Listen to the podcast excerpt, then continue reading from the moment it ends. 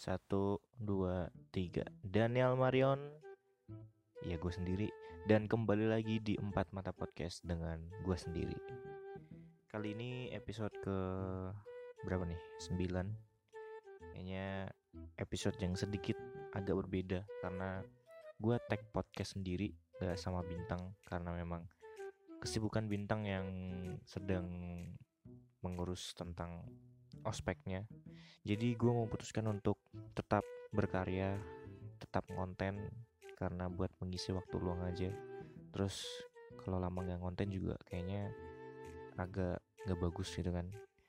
Kasihan kosong di tempat mata podcastnya. Jadi untuk episode ke-9 ini baca berita dulu kali ya. Di berita pertama ya emang beritanya cuma satu doang ada PPKM yang diperpanjang oleh pemerintah sampai tanggal 30 Agustus 2021. Pemerintah kembali melanjutkan pemberlakuan pembatasan kegiatan masyarakat atau PPKM untuk menekan penyebaran virus corona. Kebijakan kali ini adalah penurunan level untuk sejumlah daerah terhitung sejak 24 Agustus sampai 30 Agustus yang memang PPKM ini sekarang levelnya turun ya. Yang tadinya level 4 sekarang level 3 udah kayak game aja.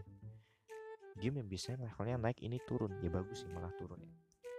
Keputusan PPKM diperpanjang ini diumumkan langsung oleh Presiden Joko Widodo pada hari Senin hari ini. Hari di mana gue tag podcast. Hari Senin 23 Agustus 2021 ya kita harap dengan perpanjangan-perpanjangan ini menurunnya kasus covid tuh signifikan gitu ya. Nggak nggak cuma diperpanjang diperpanjang doang tapi nggak ngaruh apa apa gitu kan. Kita kita kita juga yang capek. Terus juga di masa ppkm ini semuanya tuh serba susah. Kayak apa apa susah kita mau cari makan susah cari kerja susah apa apa dibatasin apa apa harus nunjukin surat vaksin. Ya itu sebenarnya nggak susah-susah juga sih cuma ada memang beberapa orang yang menganggap itu sulit gitu. Terus di masa yang serba susah ini banyak juga orang-orang yang mengalami kegagalan. Nah kalau kita ngomongin tentang kegagalan banyak banget hal yang pengen gue ceritain sama kalian tentang kegagalan. Maka dari itu episode ke-9 ini kita bahas tentang kegagalan. Tunggu ya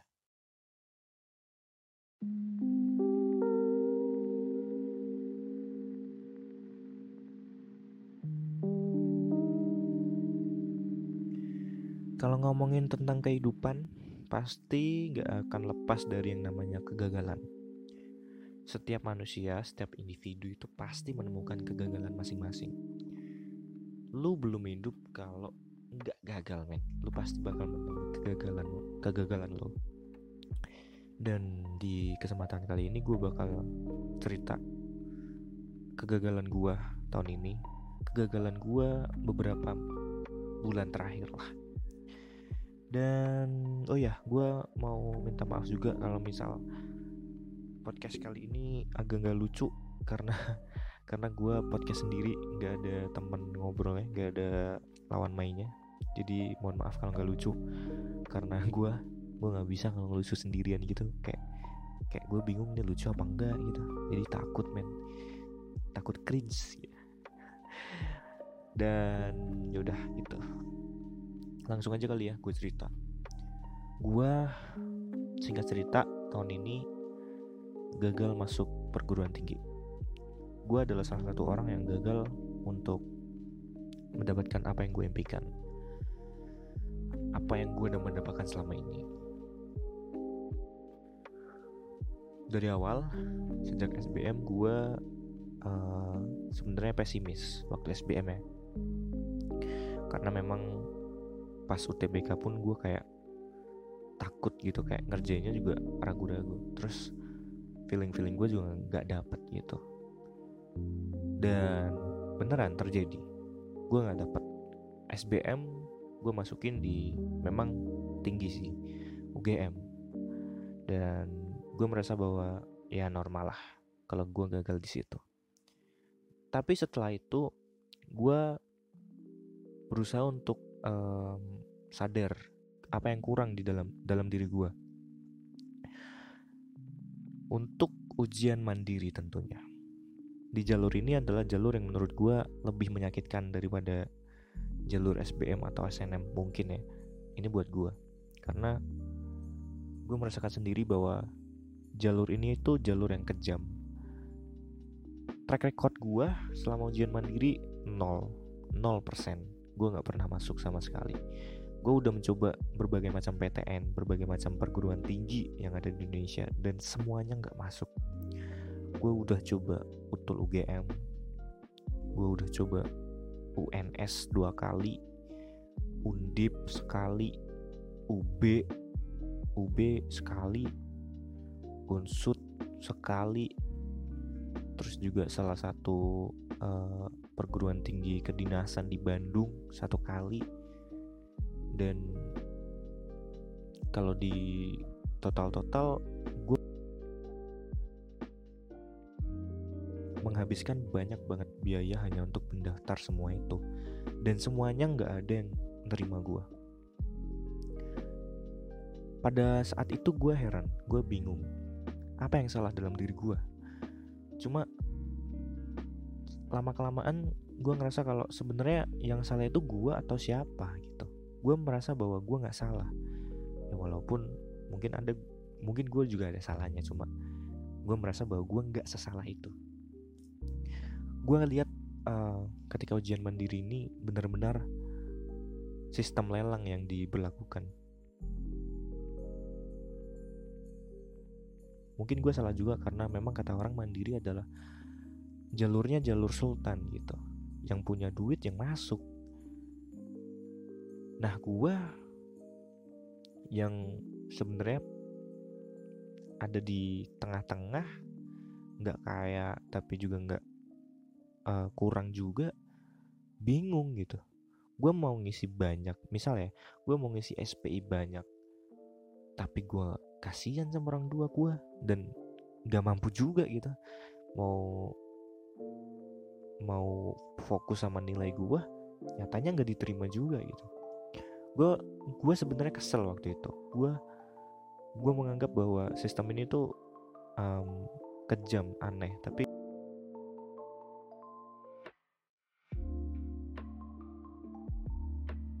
gue sempat uh, hmm, kecewa lah bisa dibilang. Gue mikir dan gue menyalahkan diri gue sendiri tentunya karena dengan kegagalan ini tentunya yang paling berat adalah menerima lalu gue merasakan gue yang seakan-akan dipojokkan dengan kegagalan gue gue merasa kecewa gue sedih gue gue um, bisa dibilang ya down lah. Kayak apa yang gue rencanakan selama ini apa yang gue demen-demen selama ini itu gak ada yang gak ada yang kesampaian gitu. Bahkan gue menganggap bahwa tahun ini adalah tahun terburuk gue selama 18 tahun gue hidup tahun ini adalah tahun yang paling menyakitkan buat gue menurut gue dan tentunya kegagalan itu banyak juga faktornya kan. Ada kendala-kendala yang gak bisa gue lakukan gitu. Kendala-kendala yang ada dan menghambat gue sebenarnya gue nggak mau beralasan juga sih karena kalau kata orang kendala itu adalah tantangan kan ya memang. Cuma gue itu ada ada di posisi yang serba sulit. Kayaknya gue nggak bisa cerita di sini sih. Tapi ya intinya gue punya kendala yang sebenarnya susah banget buat masa di masa pandemi kayak gini. Dan dengan segala kendala-kendala itu gue gue mikir nih gue mikir lagi kan. Sebenarnya gue yang lemah atau gimana dengan gue mikir seperti itu gue dapat nih hikmahnya. Jujur setelah gue gagal banyak banget itu gue jadi sering ngelamun sih. Gue gue sering mikirin hal-hal yang um, bisa dibilang terlalu dibesar-besarkan lah. Gue mikir aja um, kalau gue gini siapa yang salah ya? Kalau gue gitu gue keterima gak ya? Kalau gue gini kok dia gitu ya? Kok dia gitu keterima? Gue enggak. Nah itu gue gue sebenarnya bukan tipe orang yang kayak gitu. Tapi akhir-akhir ini gue sering kayak gitu. Ya mungkin karena um, shock juga ya. Dan mungkin hikmah yang tadi gue bilang adalah gue belajar untuk bisa lebih menerima kegagalan. Kalau gue yang dulu itu um, sangat takut untuk gagal, sangat tidak suka gagal. Dan dengan kejadian seperti ini, gue mikir bahwa seharusnya kegagalan ini ya gue terima gitu. Kegagalan ini yang harusnya bisa bikin gue lebih kuat lagi ke depannya. Terus gue juga bersyukur banget punya banyak teman-teman dan orang-orang yang di sekeliling gue mereka nge-support gue mereka mereka nggak um, ngejudge tentang lu nggak lolos lu bego lu bodoh atau apa tapi mereka justru ngedukung gue gitu. Um, gue bersyukur banget punya mereka. Mereka bener-bener support system yang mendukung gue banget sih. Mereka hampir hampir ya hampir semua teman gue itu uh, mereka kuliah men. Ke kuliah tahun ini ya maksudnya. Uh, walaupun uh, macam-macam ada yang di PTN ada yang di PTS ada yang di kedinasan banyak banget. Tapi mereka uh, support ke gue mereka yang tahu gue gagal dan tahu gue gap year dan gue putuskan untuk gue gap year gue coba lagi tahun depan mereka justru dukung gue mereka nggak mengejudge gue gitu. Gue bersyukur banget punya orang-orang yang seperti itu di sekeliling gue karena gue tahu um, banyak orang juga yang punya lingkungan yang toksik dan gak mendukung apa yang mereka putuskan gitu. Dan gue pernah denger salah satu kutipan gitu ya. Katanya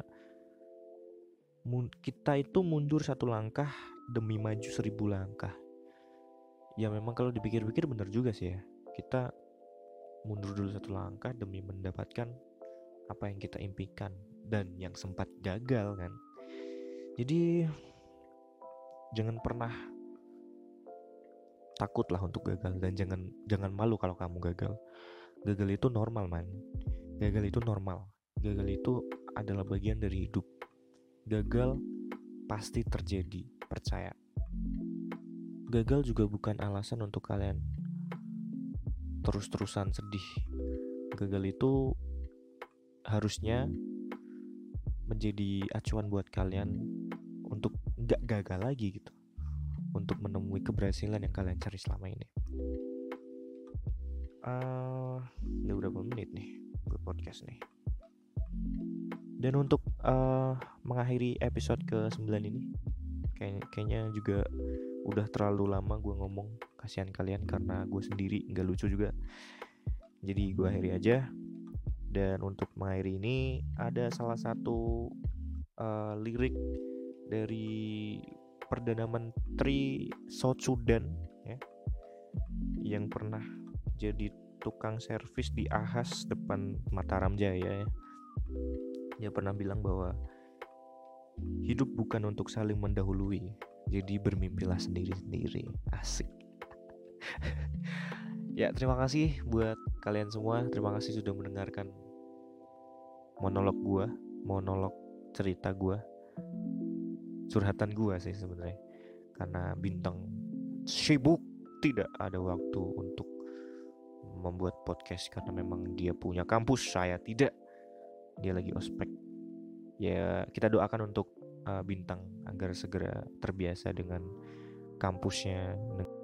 Buat kalian juga sehat-sehat selalu dan jangan lupa uh, protokol kesehatannya di diperketat lagi karena kita masih belum selesai melawan pandemi. Terima kasih untuk segala kesempatannya. Gua Daniel Marion, sampai jumpa di episode berikutnya. Ciao.